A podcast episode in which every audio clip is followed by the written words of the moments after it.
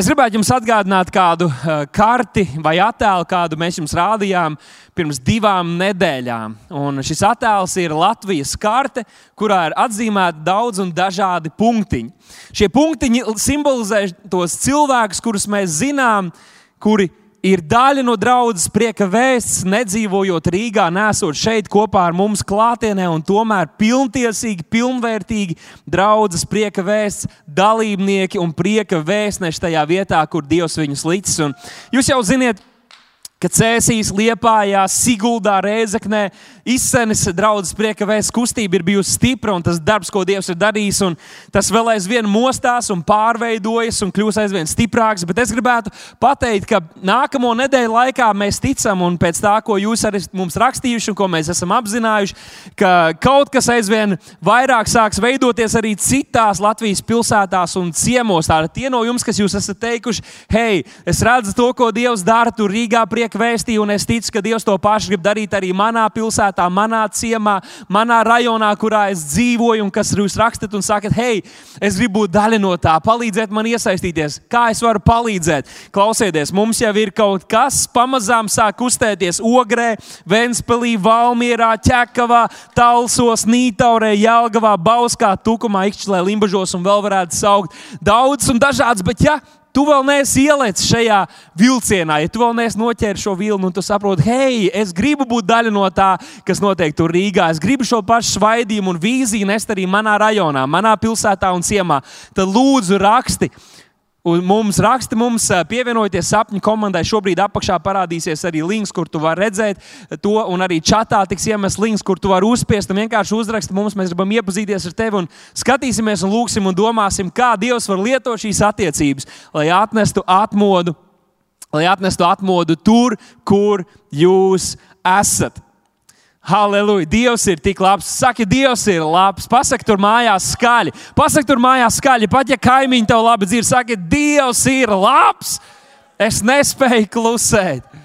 Halleluja!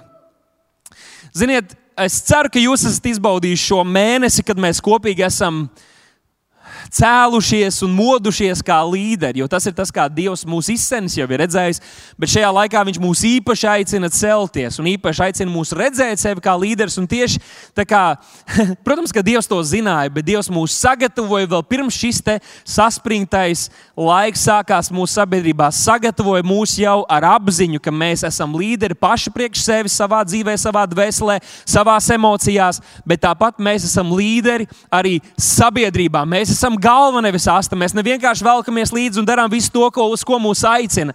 Mēs darām to, ko mēs zinām, ka Dievs mūs aicina darīt šajā laikā un dzīvojam saskaņā ar Viņa vārdu. Mēs zinām, ka mums cilvēks cilvēcīgi mūsu pašu spēkos nav iespējams izdarīt to, ko, kam Dievs aicina draugi un katru no mums personīgi, bet Dievs kvalificē tos, kurus viņš aicina. Un šodien tu mājās sēdi, vai vienalga, kur tu esi, varbūt kāds ir pludmalē, varbūt kāds ir kaut kādā kafejnīcā ticis iekšā, vienalga, kur tu esi, Dievs tevi kvalificē un dara tevi spējīgi izdarīt to, kas cilvēkam nav iespējams. Un ziniet, mēs esam radīti pēc Dieva līdzības, un viņam līdzinoties Viņu atdarinot, mēs varam būt arī efektīvi dzīvot šajā vietā, kur mēs esam, jo Viņš ietekmē mūsu dzīves, un mēs varam ietekmēt visu to, kas ir mums apkārt. Bet varbūt kādiem šīs sērijas, šīs četri dievkalpojumi, kad esam runājuši par šo tēmu, varēja likties mazliet kā tāda kacināšana. Zini, ko tu kā esi līderis, bet līderis priekš sevis. Tu esi galva, nevis aste, un tad beig galā tu esi līderis, bet pats svarīgākais ir attiecības ar Dievu. Varētu uzdot jautājumu, ko tad reāli mēs varam darīt? Attiecības ar Dievu ir pats svarīgākais. Ja mēs tuvosimies Viņam, ja mēs redzēsim, ko Viņš dara, tas ir tas, ko Jēzus teica. Ja mēs redzam to, ko Tēvs dara, tad mēs arī to pašu darīsim. Mēs pārmainamies viņa līdzjūtībā. Bet šodien es gribētu uzlikt tādu punktu uz zīmes, kas varbūt nebūs emocionāls, tāds, bet tas būs tāds vairāk laiks, kad mēs varam mazliet padomāt katrs par sevi un saprast, ko tad mēs katrs reāli varam darīt, lai mēs ne tikai dzīvotu attiecībās ar Dievu, bet izdzīvot šo mūsu aicinājumu pavisam praktiskā un reālā veidā. Es jums šodien neapsolu, ka es pateikšu jums katram personīgi, ziniet, tagad visi šie simtiem cilvēku un tūkstošiem, kas skatīsies vēlāk, es varu pateikt tev personīgi, kas tev ir jāizdara nākamā gada, divu, piecu gadu laikā. Bet es varu pateikt, lielos vilcienos, un ja tu pats šodien padomās un veltīsi šajā nedēļā laiku, lai par to domātu, par to pārdomātu un būt Dievu priekšā, tad es ticu, ka šī nedēļa būs milzīgs solis tev uz priekšu tajā, lai tu izdzīvotu savu aicinājumu. Ko tad mums darīt? Un šodien es gribētu jūs iepazīstināt ar tādu frāzi, kas man liekas, uzliks tādu lielo virsrakstu šim dievkalpojumam, un tas ir: lieto to, kas tev ir. Saki, lieto to, kas tev ir. Un Dievs to pavairos un izmantos sev par godu. Es ceru, ka tas ierakstīsies šodien mūsu sirdsapziņā, mūsu dvēselē, mūsu garā. Lieto to, kas tev ir. Un Dievs to pavairos un izmantos sev par godu.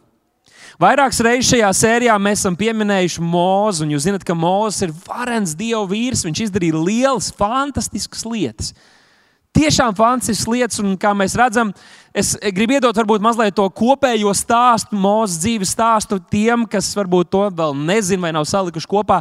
Vienkārši, lai pēc tam mēs varētu labāk saprast, ar kādiem izaicinājumiem viņš saskārās, un mēs gribētu šodien mācīties no mūsu un kādu konkrētu piedzīvojumu viņa dzīvē. Bet Mozus bija tas puisis, kurš Viņa agrā bērnībā, tātad pēc viņa piedzimšanas, viņš bija norakstīts nāvei, jo tā laika valdnieks bija sabijies, ka tie ebreji izaug, piedzims pārāk daudz, un tad viņi uzurpēs varu, pārņems varu, sacelsies pret Eģiptu un tā laika pastāvošo kārtību. Viņš gribēja nostakabot visus zēnus, visus bērniņus, kas bija tikko piedzimuši. Mūzis bija viens no tiem, bet Dievs pārdabis viņu pasargāja. Viņš tie ieliks groziņā pa upi, viņš aizgāja līdz faraona namam, kur faraona meita viņu adoptēja, un tad brīnumainā kārtā viņa paša māte varēja viņu gan barot, gan uzaudzināt, gan mācīt viņam šīs dieva lietas, kuras faraona namā viņam būtu bijušas svešas. Kas notika tālāk? Tad tālāk, kad viņš paaugās, viņš pastaigājās pa Eģipti, esot viens no ietekmīgākajiem un ievērojamākajiem cilvēkiem sabiedrībā, tomēr paša faraona radinieks. Un tad viņš redz kādu vergu, pret kuru tiek izdarīta netaisnība, un viņš tūlīt grib palīdzēt, darīt kaut ko, jo viņš zina, ka tā nav pareizi, ka tā tam nevajadzētu būt. Kā rezultātā viņš kļūst par vajāto, viņš kļūst par bēgli, viņam ir jādodas tūkstnesī prom no šī varenā Eģiptes valdnieku un karavīriem, kuri tagad ir, no, iz, ir apņēmušies un nodevušies vajāt un atrast viņu un iznīcināt viņu. Un tad tur bēgaļojot pa šo tūkstnesi un tur pavadot laiku ar kādiem saviem radiniekiem un aitām, esot Dievu klātbūtnē, varbūt pārdomājot to, kas notika un kā viņš varētu palīdzēt šai tautai, viņš satiekas ar Dievu. Un paklausieties, kā viņš satiekas ar Dievu. nu, kā viņš varēja satikties ar Dievu? Viņš staigā pa tūkstnesi, un tur ir krūms, kurš deg. Bet tas krūms nesadeg. Un tas bija tas, kas viņu fascinēja. Viņš Viņa acis tika pievērsta šim krūmam, un Dievs uz viņu runāja. Un Dievs viņu aicina, Dievs viņu pārliecina, Dievs viņu pierunā, ka es spēšu lietot tevi. Un tas no vienas puses ir tas, ko Dievs ir šajā mēnesī darījis ar mūsu draugu. Daudzos un dažādos veidos viņš ir teicis, es gribu tevi lietot, es daru tevi par galvu, es daru tevi par līderi, es gribu lietot tevi, lai tu atnestu godu manam vārdam šajā laikā, kurā tu dzīvo. Un mēs esam pretojušies, un kāds ir teicis, nē, es nevaru to pieņemt, nē, es vēl nevaru pieņemt šo vārdu vai šo redzējumu. Bet es ticu, ka Dievam ir izdevies šajā mēnesī mums katram palīdzēt piecelties un saskatīt to, kā Viņš redz mūsu. Un kas notika tālāk? Tālāk Mozus beidzot dodas kopā ar savu draugu, dodas šeit uz Eģipti, un tad Dievs viņam dod drosmu, varēšanu. Tad viņi izdara desmit tā saucamās mocības vai lielus brīnumus tur Eģiptē, kurus cilvēks nespēja izdarīt. Cilvēks to nebija spējīgs izdarīt. Te parādās šī te pārdabiskais, pārdabiskais aspekts viņa kalpošanā un dzīvē pēc tam, kad viņš bija sastapies ar Dievu.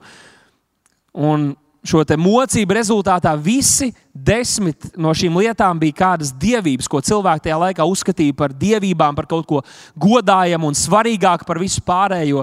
Un Dievs vienkārši pasakā, tas viss ir nieki. Jums ir jāklausa man. Un tad beigu beigās sanāk, ka šis Mozus izved Izraēlu tautu, kas ir kā divi miljoni cilvēku. Viņi iziet no Ēģiptes, kas ir varenākā nācija tajā laikā. Iedomājieties, divi miljoni darbinieku, kuriem nav jāmaksā alga, kas iespējams lielā mērā veicināja šīs Ēģiptes varenību un veiksmi, jo viņi bija arī lietpratēji un, un, un prasmīgi cilvēki un viņš izved viņus ārā, un pēc tam jūs zināt, tālāk viss kaut kas notiek. Tad šis Eģiptes valdnieks, faraons metas viņiem pakaļ, viņš pārdomā, bet Dievs lieto mūzu, ka viņš sašķeļ sarkano jūru, viņi iziet cauri ar sausām kājām, tad Eģiptes armija tiek noslīcināta šajā jūrā, tad viņi staigā pa tūkstnesi. Viņi staigā pa tūkstnesi, un Dievs par viņiem rūpējas. Mūzes, Dievs lieto mūzu, lai dotu no klints ūdeni ne tikai visiem cilvēkiem, bet arī lopiem. Un pārtika un manna krīt no debesīm, un tā tālāk mēs varētu runāt par brīnumiem un zīmēm, ko šis vīrs piedzīvoja. Bet viens no iespaidīgākajiem man šķiet ir tas, ka viņš uzkāpa kalnā, lai satiktos ar Dievu. Viņš runāja ar Dievu vaigu vaigā. Šīs ir tās personīgās attiecības. Un tad, kad tauta dzirdēja Dieva balsi, viņi bija tik ļoti pārbijušies, ka viņi teica, nē, nē, nē, nē lai Dievs nerunā uz mums, lai Viņš runā ar tevi, un tad tu vienkārši mums pastāst to. Bet tad, kad Mozus atnāca pēc šīm sarunām ar Dievu pie tautas, viņa vaigas spīdēja. Viņš bija izmainījies. Kad mēs pavadām laiku Dieva klātbūtnē, mēs izmainamies Viņa līdzībā. Mums nav nemaz ārkārtīgi jācenšas, jo, ja mēs pavadām laiku uz ceļiem, mēs pavadām laiku lūgšanā un Dieva vārdā, mēs tiekam pārvērsti. Un tas ir tas, ko viņa gars dara mūsu sirdīs. Tad Mozus ir šis lielais, varenais vīrs, kurš piedzīvoja varenas lietas savā dzīvē. Bet es gribētu, lai mēs atgriežamies šajā stāstā gandrīz uz pašu sākumu, kad Mozus un Dievs sastopas tuksnesī. Un interesanti, ka šī vieta ir tuksnesis. Iespējams, ka pat šajā laikā tu savā dzīvē, savā mājā, darba vietā, kāda cita izaicinājuma, kas ir tavā dzīvē, tev šķiet, ka tas ir tuksnesis tad ļauj man te pateikt, tā ir vieta, tā ir ideāli piemērota vieta, kur tev sastapties ar pašu Dievu. Un tāpēc es gribētu, lai mēs dotos uz otro mūža grāmatu, 4. nodaļu, kur pirmajā pantā mēs lasām Mūzus aizbildinājumus, ka Dievs saka, es gribu tevi lietot. Mūzus viņam atbild, sakot šos vārdus, un klausieties, viņš saka, Viņi man neticēs, tāda Izraēla tauta man neticēs un neklausīs mani, bet sacīs, tas kungs tev nav parādījies.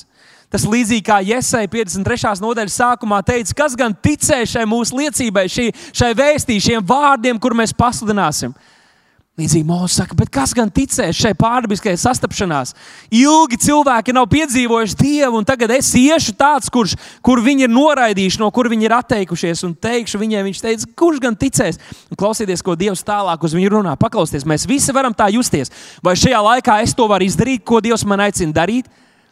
Vai šajā laikā es varu atnest atmodu savā ģimenē, savā skolā, savā pilsētā, savā ciemā, kurā es dzīve, dzīvoju?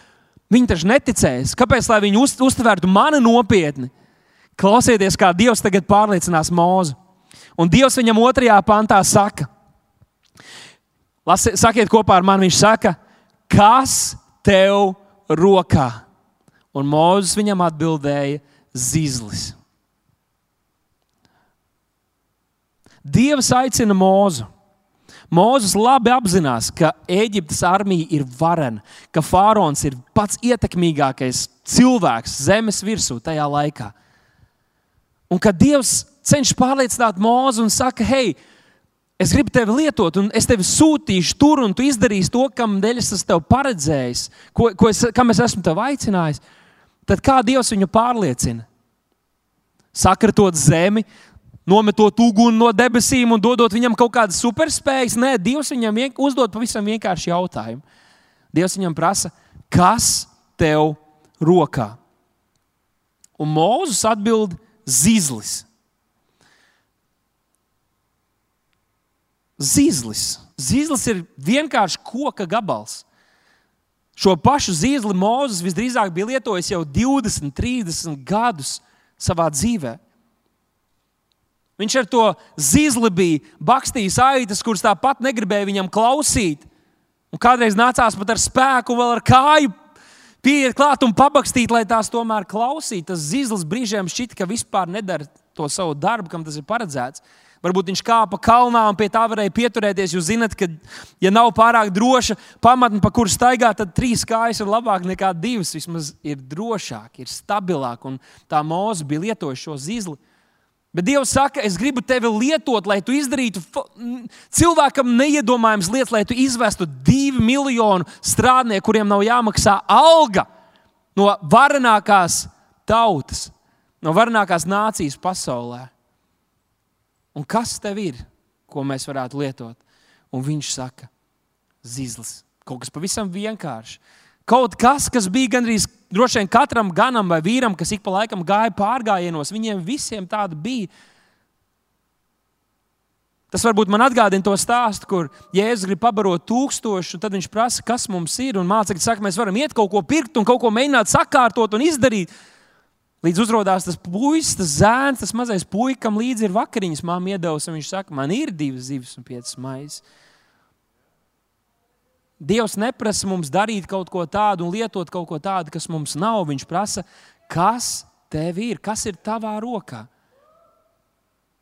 Mūzum tas bija zīles, kaut kas pavisam vienkārši prasts, ko viņš gadi, gadiem ilgi bija lietojis un nekad nebija redzējis nekādu nozīmīgāku pielietojumu šim rīkam. Un Dievs viņam tūlīt atvērs acis, un es ticu un lūdzu, ka Dievs atvērs acis arī mums šodien, kad mēs par to runājam. Ja mēs runājam par šo frāzi, kas ir tavā rokā, jeb tavā rokā, tad papētot Bībeles tekstus, mēs atklājam, ka šī frāze tiek lietota dažādos veidos. Viens, protams, ir acīm redzamais, un tas ir, kad ir kaut kas, kas pavisam fiziski ir tavā rokā. Vai tas ir zīles, vai tas ir ierocis, varbūt tā ir bībele, varbūt tas ir tavs naudas maks, bet kas ir fiziski tavā rokā, un tad to Dievs arī saka, mēs varam lietot, kā mūzes gadījumā, bet citās reizēs.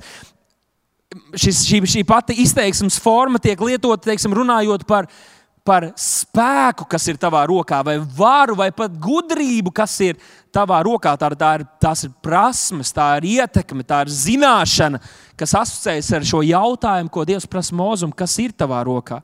Tāpat diezgan bieži Dievs saviem vīriem un sievām teica šādus vārdus, ka Viņš nodod viņu ienaidniekus viņu rokās. Ļauj man tev šodien paprasīt, kas ir tavējā, jo tev ir jālieto to, kas tev ir un Dievs to pavairos un izmantos savam godam. Ļauj man te šodien paprasīt, kas ir tavā rokā. Varbūt šobrīd fiziski tas ir telefons, vai klaviatūra, vai pelīte, bet paskatīsimies nedaudz plašāk.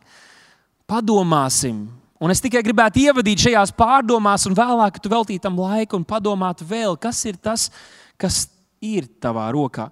Nu, kā piemērs iedomājos par tavu personību, kas tev piemīt, kas tev ir dieva dota, kas ir attīstījusies šo gadu laikā. Arī tas ir kaut kas, ko Dievs var lietot, lai tu būtu par svētību, un lai tu ietekmētu un vestu uz labu. Nu, iedomāsimies, ka tu esi prasīgs un noteicošs cilvēks, kuram patīk risināt problēmas.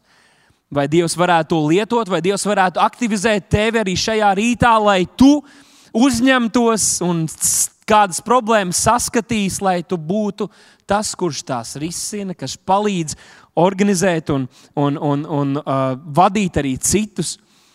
Iespējams, ka tev ir piemīta apbrīnojama spēja ietekmēt un iedvesmot citus cilvēkus ar saviem vārdiem, ar saviem darbiem. Varbūt tu esi tas cilvēks, kurš, kad ir kādreiz draugu pulkā, kad visi vienmēr grib būt tev līdzās, jo tu vienkārši izturot tik brīnišķīgi draudzīgas sajūtas un emocijas. Un, uh, kaut kā tava dvēsele saslēdzas ar citiem cilvēkiem, vai Dievs to varētu lietot draudzē un ārpus tās, lai vestu cilvēkus pie Kristus, lai palīdzētu mainīties lietām uz pozitīvo. Varbūt, ka tu esi neatlaidīgs, varbūt, ka tu vēlies palīdzēt, un tev nemaz negribās, lai tu, tu, kļu, tu kļūsti. Nonāc uzmanības centrā, tu vienkārši gribi palīdzēt, un atbalstīt, un redzēt, kā lietas notiek un iet uz priekšu. Vai tas ir kaut kas tāds, ko Dievs varētu lietot? Un es gribu jums pateikt, ka nevienā no šīm personības iezīmēm nav, neviena nav ideālā, labā, pilnīgā un kāda cita, kur ir nekam nederīga. Tai katrai ir trūkumi, bet katram ir arī kādas pozitīvas lietas, kuras Dievs grib lietot. Grib, lai mēs tās redzam. Ne vienkārši kā mēs kaut ko darām, bet tu esi radīts tāds. Tu esi radīts tāds, tu esi pilnvarots tāds. Tu esi Dievs ir ielicis kaut ko tevī, lai tu veicinātu Dieva valstības izplatīšanos zemes virsū. Varbūt, ka tu visu dari rūpīgi, un visu pārbaudi, un visu pārliecinies, pirms tu kaut ko dari. Tu gribi visu izskaidrot un paskatīties, vai viss tā sanāks. Vai arī tādai personībai dāvanai ir vieta draudzē, kādās kalpošanās, un arī mūsu sabiedrībā, kur tas ir nepieciešams. Es domāju, ka jā. Nu, paskatīsimies vēl nedaudz, nu, tagad jau vairāk uz sevi. Varbūt ir tādas kādas spējas, kuras tu esi attīstījis savā dzīvē. Nu, pieņemsim, ka tu proti dziedāt vai rakstīt dziesmas, varbūt tu proti filmēt, vai rūpēties par drošību, varbūt tā pat ir tava darba vieta pasaulē. Varbūt tu proti spēlēt kādu instrumentu, vai veidot kādas grafikas, organizēt, vai iedrošināt citus cilvēkus. Kā tev šķiet, vai tas ir kaut kas vienkāršs, varbūt tas ir tāds vienkāršs zīzlis tavā rokā, ko Dievs var lietot. Nu, varbūt vēl drusku personīgāk. Un šis tiešām ir kaut kas tāds, ko mums katram būtu jāpadomā savā mājās. Mēs esam runājuši, ka Dievs grib uzsākt jaunas kalpošanas. Un atklāt mums veidus, kā mēs varam kalpot draudzes cilvēkiem, bet arī aizsniegt sabiedrību. Bet ļauj man te paprasīt, Varbūt, ka tu esi cietis vardarbību, varbūt seksuālu vardarbību savā bērnībā, jaunībā, un tu esi izgājis tam cauri un izgājis uzvarā, un Dievs ir pagodinājies tavā dzīvē, un tas varētu būt kaut kas, kāds virziens, kurā tu varētu kalpot citiem. Varbūt, ka tu esi bijis parādu saistību vergs, un varbūt, ka bankrotē vai brīnumainā kārtā Dievs tev deva gudrību un izvadīja tevi cauri, lai tu dzīvotu finansiālā labklājībā un svētībā, un nevis vergotu citiem. Vai tas varētu būt kaut kas, šī pieredze, šīs sāpes un uzvaras tavā dzīvē, kuras Dievs varētu lietot, lai tu būtu citiem par svētību, lai tu kalpotu citiem. Varbūt, ka tu uzaugi salauztā ģimenē, varbūt, ka tu pats savā dzīvē esi piedzīvojis to, ka varbūt tavs dzīves biedrs ir pārdomāju un aizgāju. Varbūt, ka tu esi piedzīvojis kādas izaicinājumus ar saviem bērniem, ar savu veselību. Varbūt, ka tu esi bijis kādu atkarību salauz, varbūt tā ir bijusi pornogrāfija, sociālie tīkli, azartspēles, alkohols, narkotikas. Un Dievs šo vienkāršo zīzli un tavu uzvaru grib lietot, lai tu būtu par svētību citiem, lai tu uzņemtos atbildību un palīdzētu citiem piedzīvot uzvaras kā ar finansēm un kādiem resursiem, kas tev piemīt, varbūt tie ir tavā rokā. Un Dievs tos var lietot, lai debesu valstība iet uz priekšu, un lai tu būtu par svētību citiem. Kā piemēram, varētu teikt, kādas omītes, kuras kādreiz šeit uh, dievkalpojumā staigā apkārt ar maisiņiem, kuros ir salikta ābolu no viņu dārziem. Arī tas ir resurs, arī tā ir svētība, vai kāds, kas ir sādījuši zeķes un vēlas tās uzdāvināt kādiem draugu locekļiem. Ko es gribu pateikt? Lieto to, kas tev ir. Un Dievs to pavairos un izmanto sev par godu. Pāvils 1. vēstulē korintiešiem 12. nodaļā, 7. pantā, viņš saka šādus vārdus: Bet ik vienam ir dota gara izpausme, lai nestu svētību. Saki ikvienam, saki ikvienam. Mēs tikko parunājām par mūsu personību, par mūsu dzīves pieredzēm, par spējām, kuras esam attīstījuši. Bet šeit Pāvils saka, ka mums katram ir dota gara izpausme, gara izpausme, lai nestu svētību citiem. Un šeit mēs varētu pētīt romiešiem 12. nodaļu, 6 līdz 8 pantam, 1 korintiešiem 12, 8 līdz 10, kur mēs redzam garīgās dāvanas, gara dāvanas. Un ir kādi, kas saka, ka Bībeles pētnieki saka, ka šeit pat nav tas pilnīgais saraksts patiesībā uzrakstīts. Tur ir vēl daudzas garīgas dāvanas, kuras nav pieminētas. Bet klausieties, kādas garīgas dāvanas šeit tiek uzskaitītas. Kalpošana, ka tu vienkārši saproti, kur ir vajadzība un esi gatavs kalpot un pielikties, lai darbs varētu notikt. Iedrošināšana, došana, arī tā ir garīga dāvana. Varbūt, ka Dievs tev ir devis īpašu svaidījumu, nopelnīt finanses un dot draudzē un arī cilvēkiem, kurus svētais gars tev vada. Vadīšana, tātad būt par līderi, vadīšana, žēlsirdība, būt iejūtīgam priekš, pret citiem. Mēs varētu runāt arī par gara dāvanām, bet es šodien gribētu jums pateikt, ka nav tik svarīgi, vai tu apzinājies, ka šī ir mana konkrētā gara dāvana vai tā tālāk. Jo Bībele saka, un Jēzus to teica, ka visa bauslība ir salikta kopā vienā vārdā, kas ir, ka mēs mīlam Dievu un mīlam tuvāko kā sevi pašu. Un ja mēs mīlēsim Dievu, mēs mīlam Dievu, un mēs mīlēsim cilvēku mums līdzās, tad dabīgi šīs garīgās dāvanas un spējas, ko Dievs mums ir devis, tās funkcionēs, tās parādīsies, tās atklāsies. Un Dievs tās lietos sev par godu. Mateja Vāģelī 25. nodaļā, 29. pantā, Jēzus teica tādus interesantus vārdus, ko es gribētu, ka mēs uz mirkli apstātos un padomātu, ko tas īsti nozīmē mums šodien. Un tie vārdi skan sekojoši, jo ikvienam, kam ir, saki, kam ir, jo ikvienam, kam ir, tiks dots, un tam būs pārpilnība. Bet No tā, kam nav, atņems to, kas tam ir. Ko es cenšos pateikt? Ko Jēzus centās mums pateikt šī vārda sakarā? Mēs jau varam justies, ka mēs esam atdalīti. Mēs varam justies, ka mums kaut kas ir laupīts, ka mums kaut kā nav, un citiem ir daudz vairāk. Bet Jēzus saka, ka ja mēs ar šādu attieksmi dzīvojam, ja mēs ar šādu attieksmi kalposim, ja tāds būs skatījums par mūsu dzīvēm un to, kādus Dievs mūs ir radījis, tad arī tas, kas mums ir, tas mums tiks atņemts, tas mums tiks laupīts, tas tiks padarīts neauglīgs, neefektīvs. Mēs to pazaudēsim. Bet, ja mēs redzam, ka varbūt man nav daudz, bet man ir kaut kas, Varbūt tas ir vienkāršs un trūls zīzlis. Tad Jēzus saka, ja tev ir, un tā ir tā tava attieksme, ka man ir, tad es to lietoju. Tad Jēzus saka, ka tev tiks dots vēl, un tev būs pārpilnība. Tev būs pārpilnība. Pārpilnība. Tā ka pietiek pašam un paliek pāri labiem darbiem. Šodien mums ir jāizvēlas, noslēdzot šo sēriju, mosties līderi, lai gan par līderību mēs runāsim aizvien tālāk, un es ticu, ka Dievs turpinās celt mūs un ievest mūsu šajā aicinājumā. Bet šodien mums ir tā jānovelk tāda svītra pašiem savā dzīvē un jā, jāuzdod sev jautājumus. Kas ir manā rokā? Ko Dievs man ir devis? Ko es jau redzu? Ko varbūt citi man ir teikuši? Hei, tev ir tāda dāvana, tev ir tāda spēja. Kas ir tas, kas ir tavā rokā? Dievs to grib pavairot un lietot sev par godu.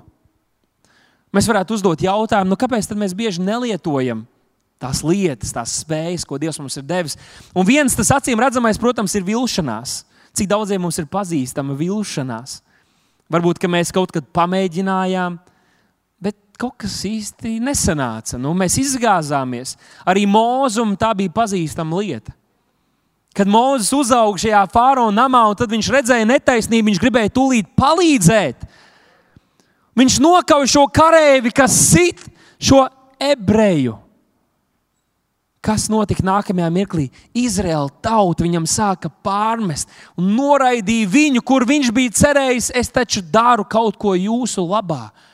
Viņi noraidīja viņu, un viņš devās uz šo tūkstnesi ne tikai lai pasargātu savu dzīvību, bet viņš bija vīlies. Viņš negribēja neko kopīgi ar to tautu, ar tiem cilvēkiem. Viņš centās kaut ko darīt viņu labā, un viņi viņu noraidīja. Viņi atteicās no viņa. Šī sajūta viņam jau bija pazīstama. Varbūt, kad arī tu tā jūties, varbūt, ka tu esi mēģinājis šo savu zīzli lietot un tu saskāries ar atraidījumu savā darba vietā, varbūt pat uz ielas, varbūt pat draudzē. Tu centies aktivizēt tās dāvanas, ko tu jūti, ka Dievs plūst, ka tas plūst caur tevi, bet kaut kur trāpīja garām, kaut kas nesanāca. Vilšanās. Es domāju, ka vēl kāds iemesls, kādēļ mēs kādreiz nelietojam to, kas mums ir, ir, ka mēs vienkārši nedomājam, ka Dievs var lietot mūs. Kas tad mēs tādi esam? Paskatieties, kāda brīnišķīga cilvēka tajā prieka vēstī nāk, bet kas tad es tāds esmu? Man ir paveicies, ka man vispār ielaiž iekšā, tur apsēsties vai pieslēgties internetā. Bet Dievs saka, tu esi īpašs. Tu esi īpašs, tu esi radīts pēc Dieva tēla un līdzības. Un viņš tev ir ielicis kaut ko pavisam īpašu. Tavā rokā viņš ir devis to, kas nelīdzinās nekam tam, kas ir citu cilvēku rokās. Un viņš grib lietot tevi. Pieņem to, notic tam pieņem to, notic tam. Kas vēl varētu būt? Vēl varētu būt neusticība. Ka mēs neusticamies Dieva vārdam, ka mums šķiet labi, ja es kaut ko darīšu, bet kas būs, ja nesanāks? Kas būs, ja nesanāks?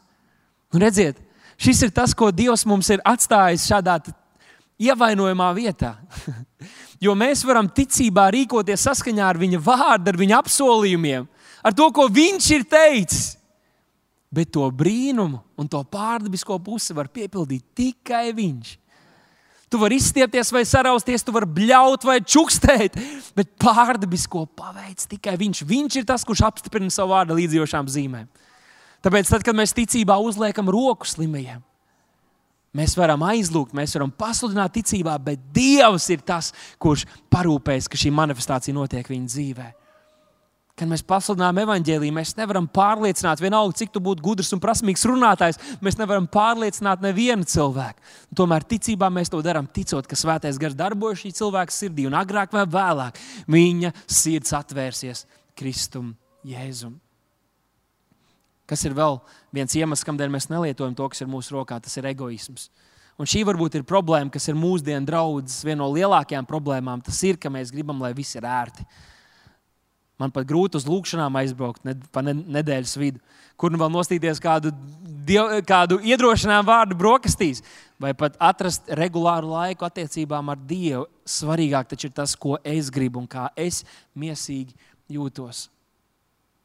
Bet, ja tā mēs dzīvojam, tad ir liels jautājums, vai patiešām mūsu dzīves pieder Kristum, vai mēs tās dzīvojam Viņam par godu. Šodien gribu atgādināt tev, lieto to, kas tev ir un Dievs to pavairos un izmantos savam godam. Bet kas notiek tālāk šajā mūzes stāstā? Jā, viņš parāda Dievam šo zīzli, un nākamajā momentā Dievs viņam saka, nomet to zemē. Trešajā pantā Dievs saka, nomet to zemē, un viņš nomet to zemē, un tas kļūst par čūsku. Bet Mozus bēga no tā. Ziniet, ko? Visas šīs pagātnes pieredzes, negatīvās un kādreiz pat pozitīvās, mums šodien ir jābūt gataviem atlaist nomest to zemē. Es to izdarīšu, lai jūs to redzat, garīgi kā tas notiek. Tātad viss tas, kas mūs attur, mūsu egoisms, mūsu iepriekšējā pieredze, mūsu sāpes, mūsu kļūdas, mūsu atraidojums, mūsu vilšanās, mūsu neizdošanās. Šodien Dievs saka, nomet to zemē, vienkārši atlaid to vaļā. Tas, kā tu iepriekš skaties uz savām spējām, uz savu personību, uz savām dāvanām, uz savām garīgajām dāvanām, kas ir darbojušās tevī, vienkārši spēj atlaist to vaļā šodien. Un tas izskatās tā. Ziniet, kāpēc Mozus nobijās? Ziniet, kāpēc Mozus nobijās? Kāds teiks, jā, tāpēc, ka tā pārveidās par čūsku, bet čūska nevienmēr ir negatīvais tēls. Šī pati čūska apēda pasauli, pa, tāda faraona burvju čūskas, pagodinot Dievu. Klausieties, kāpēc viņš bēga. Tāpēc, ka at, viņam bija grūti atlaist to, pie kā viņš bija tik ilgi turējies. Viņš bija pieredzējis pie tā, ka šis zīles var darīt tikai to, stāvēt uz vienas kājas un palīdzēt viņam ne, nenokrist. Bet, kad viņš to atlaida, viņam nācās ieskatīties patiesībai acīs, ka Dievs ar šo zīli ir spējīgs darīt daudz vairāk, kā viņš iepriekšējo gadu laikā bija spējis paveikt. Tāpēc šodien es saku, atlaid savu pieredzi, atlaid savas sāpes, atlaid savu pagātni. Un tad, kad viņš to pacēla no jauna savās rokās, Dievs lietoja mūzu un šo zīli. Un tad 20. pantā mēs redzam, ka rakstīts, un Mūzus ņēma dieva zīli savās rokās. Wow!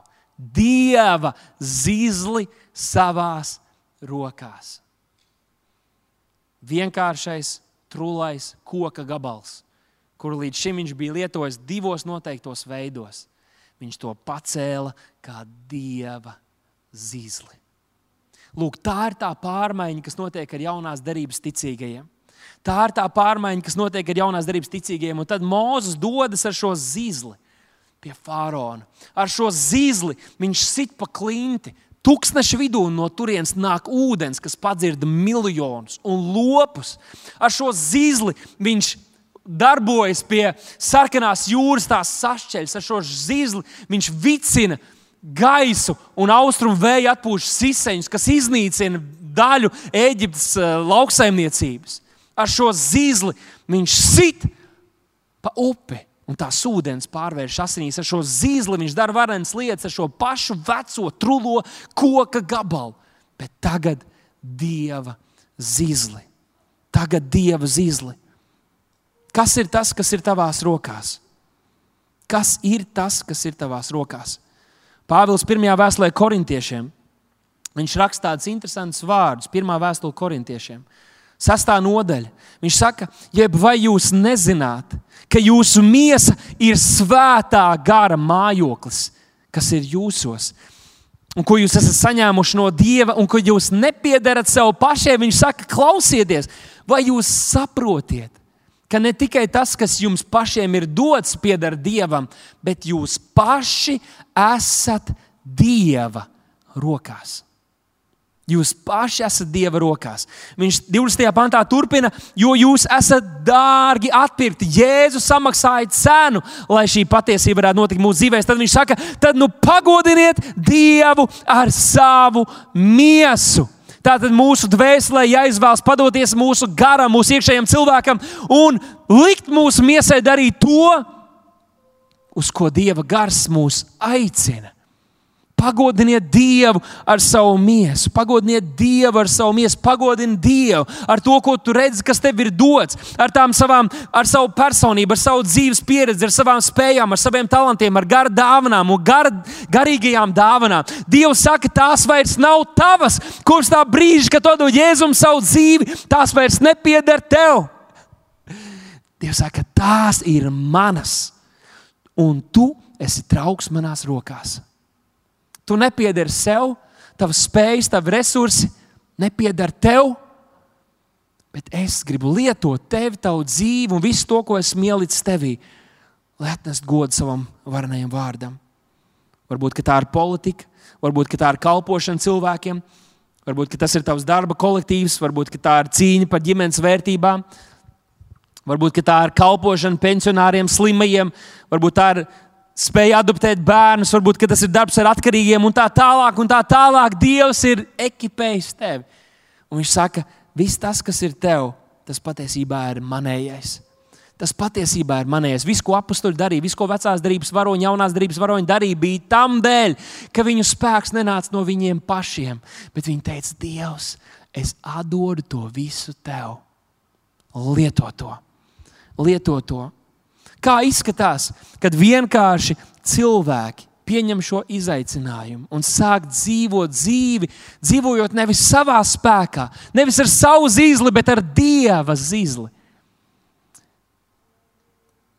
Kādu laiku atpakaļ, pa nedēļu, kāda kundze gados bija atnākusi šeit uz mūsu draugu namu un gribēja satikties ar mācītāju, lai pateiktu viņam paldies par to, ko kādi no mūsu draudzes locekļiem viņai bija darījuši, palīdzot un kalpojot viņai personīgi. Kāds vīrs, Andrejs, kurš ir no Ogres, viņš pirms kāda laika saprata, ka viņš vēlētos palīdzēt mums attīstīt mūsu mājaslapas, krievu valodīgo saturu un veidot vēl kaut kādas lietas, un palīdzēt mums sakārtot šīs lietas, kur acīm redzot, tāda vajadzība bija, un viņš to redzēja un uzņēmās atbildību par to. Pirms kāda laika es runāju ar Aleksandru, un viņš stāstīja par to, ka bērnu dārzā, kurā iet arī viņu bērni, bija Ziemassvētki, un tur bija atnācis kāds Ziemassvētku vecītis, kurš bija stipri ierēbis. Un viņš teica, hei, hei, hei, nākamajā reizē es neko tādu vairs nepieļaušu. Ja vajadzēs, es iešu un būšu tas Ziemassvētku vecītis. Un pagājušajos Ziemassvētkos viņš bija šajā bērnu dārzā. Varat, būt, varat uh, tikai nojaust, cik pārsteigti bija viņa bērni, kad saprata, ka viņa tēvs ir Ziemassvētku vecītis. Bet vēl kāds stāsts, kas notika pavisam nesen mūsu draugu locekļu dzīvēs, ir, ka Elizabete un Anastasija kopā ar mūsu misijas komandu bija devušies ielās lai uzrunātu cilvēkus, lai stāstītu viņiem par jēzu. Ziniet, tas nav nekas, tie nav nekādi ārkārtīgi apdāvināti cilvēki, kas to dara, lai gan kādiem no viņiem tiešām ir īpašs aicinājums un dāvana uz to, bet daudz no viņiem ir vienkārši, kas mīl Dievu un vēlas kaut ko darīt, lai sniegtu cilvēkus, lai kalpotu, lai sludinātu evaņģēlīju. Un šīs divas meitenes staigājās Uh, apkārtējo rajonu un lūdza, Dievs parāda mums kādu cilvēku. Tad viņām garām gāja kāda sieviete jau gados, bet tā, tā labi situēta izskatījās šī sieviete ar stāju, kā viņa raksturoja. Un, uh, tad, kad viņas drusku uzsāka sarunu ar šo sievieti, uh, tad izrādījās, ka viņa nodarbojusies ar numeroloģiju, un viņai neinteresē šādas vienkāršas sarunas, vispār neko negribēja dzirdēt par Dievu. Un šīs mūsu meitenes uh, pirms saruna noslēdzās, izlēma piedāvāt aizlūgt par šo sievieti. Vai mēs varētu aizlūgt par jums? Atcerieties, vienkārši zīzlis. Vai mēs varam aizlūgt par jums? Un tad, kad viņas to darīja, šī sieviete, kas iepriekš bija pārliecināta un raupa, agresīva, viņa sāka raudāt šīs lūkšanas laikā.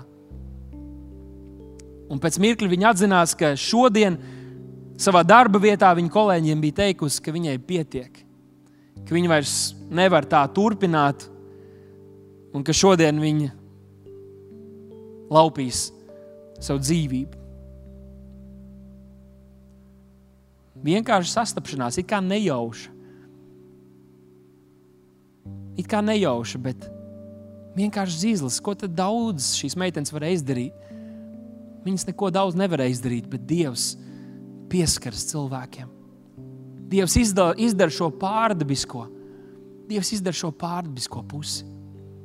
Kad mēs sākam lietot šīs vienkāršās lietas, kuras mēs varbūt esam apzinājušies vai pavisam nesen atklājuši mūsu dzīvēm, hei, es varu to, es varu to, bet kad mēs sākam to lietot mīlestībā uz cilvēkiem, Dievs to pavairos un lieto sev par godu.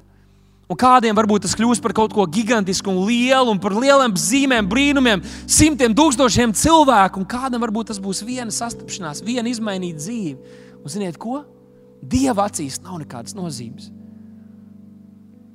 Dievs runāja par šo ganu, kurš atstās 99 veselas, lai parūpētos par vienu, kur ir noklīdus. Un šodien Dievs aicina mūs kļūt par līderiem, kas mēs ietekmējam lielus notikumus, bet neaizmirstam arī par katru to mazo avi kur mums līdzās ir, kurai vajadzīgs pieskāriens, kurai vajadzīga sastapšanās ar labo ganu, kas ir Kungs Jēzus. Pāvils Romiešiem 12. nodaļā, 1. pantā. Viņš teica, es jums lieku pie sirds brāļi, Dieva žēlsirdības vārdā, nodod sevi pašus par dzīves svētdievam, Dievam patīkamu upuri, tā lai ir jūsu garīgā kalpošana tam kungam. Šodien Dievs saka, kas ir tās lietas, kas ir tavā rokā? Nodod tās man. Nodod tās Dievam šodien. Saka, Dievs, es nezinu, kā tu to vari lietot savam godam, bet es nododu to tev. Es nododu to tev. Man personības iezīmes, varbūt man spēju sasmīdināt, iedrošināt, padalīties, stiprināt. Man žēlsirdība, ka es izjūtu, kad kādam sāp, spēju vadīt, mans pagātnes sāpes un piedzīvojums, es nodotos tev lietotos. Parādi man to ceļu, kā es varu tos lietot. Tev par godu. Es šodien nododu sevi pašu par dzīvu svētu, tev patīkamu upuri. Un tāpēc šodien noslēdzot, es gribu tev teikt, kas ir tas, kas ir Dieva rokās? Kas ir tas, kas ir Dieva rokās? Es ceru, ka tu šodien atbildi, ka tas esi tu ka tu esi Dieva rokās. Ko nozīmē nodot sevi Dieva rokās? Nozīmē padoties viņa gribai. Kad Jēzus pie krusta nomira, viņš teica, Dieva tēvs, sadod, tevi, tav, sadod savu garu tavās rokās. Nodot sevi viņam, nodot sevi viņam, lai viņš varētu lietot tavu dzīvi. Lai viņš var lietot tavu dzīvi. Lai viņš var izdarīt no tās kaut ko daudz vairāk, nekā mēs paši esam spējīgi. Un Jēzus kādā vietā teica, runājot par to, ka viņš ir gans un mēs esam viņa avis, viņš teica, neviens nevar izraut jūs no manas rokas. Un jau nākamajā pantā viņš saka, neviens nevar izraut no tēva rokas jūs. Pats Dievs, trīsvienīgais Dievs, šodien saka, tu esi manā rokā. Neviens nevarēs izraut, neviens nevarēs tevi salauzt, ja tu paliksi manās rokās, nododot savu dzīvi un skaties, un raugi, un lūkojies, ko es esmu spējīgs darīt caur tevi. Šis ir laiks celties, šis ir laiks mosties, šis ir laiks atsaukties Dievam. Un gatavojoties šim dievkalpojumam, es atcerējos šo dziesmu, kuru mēs kaut kad bērnībā bijām dziedājuši. Es nodziedāšu divas no tām, ja jūs at, divas rindiņas no tām, ja jūs atceraties, varat nodziedāt kopā ar mani vienkārši kā tādu apliecinājumu un arī tādu bērnišķīgu uzticēšanos tēvam. Dievs visu zemi savās rokās, tur Dievs visu zemi savās rokās, tur Dievs visu zemi savās rokās, tur Dievs visu zemi rokās tur. Un otrais ir tāds: Dievs arī mani savās Rokās tur Dievs arī tevi savās. Rokās tur Dievs arī mani savās. Rokās tur Dievs arī tevi rokās tur. Tās un šodien atsaucoties tavam vārdam, mēs pateicamies, ka tu esi mūsu rokās līdzes zīžļus un šos vienkāršas lietas, tēvs, un mēs tās nododam tev. Mēs lūdzam, ka tu tās lieto, ka tu tās pieņem kā dzīvu, svētu un tev patīkamu upuri. Un ka tu tiec pagodināts mūsu dzīvēm, Jēzus vārdā.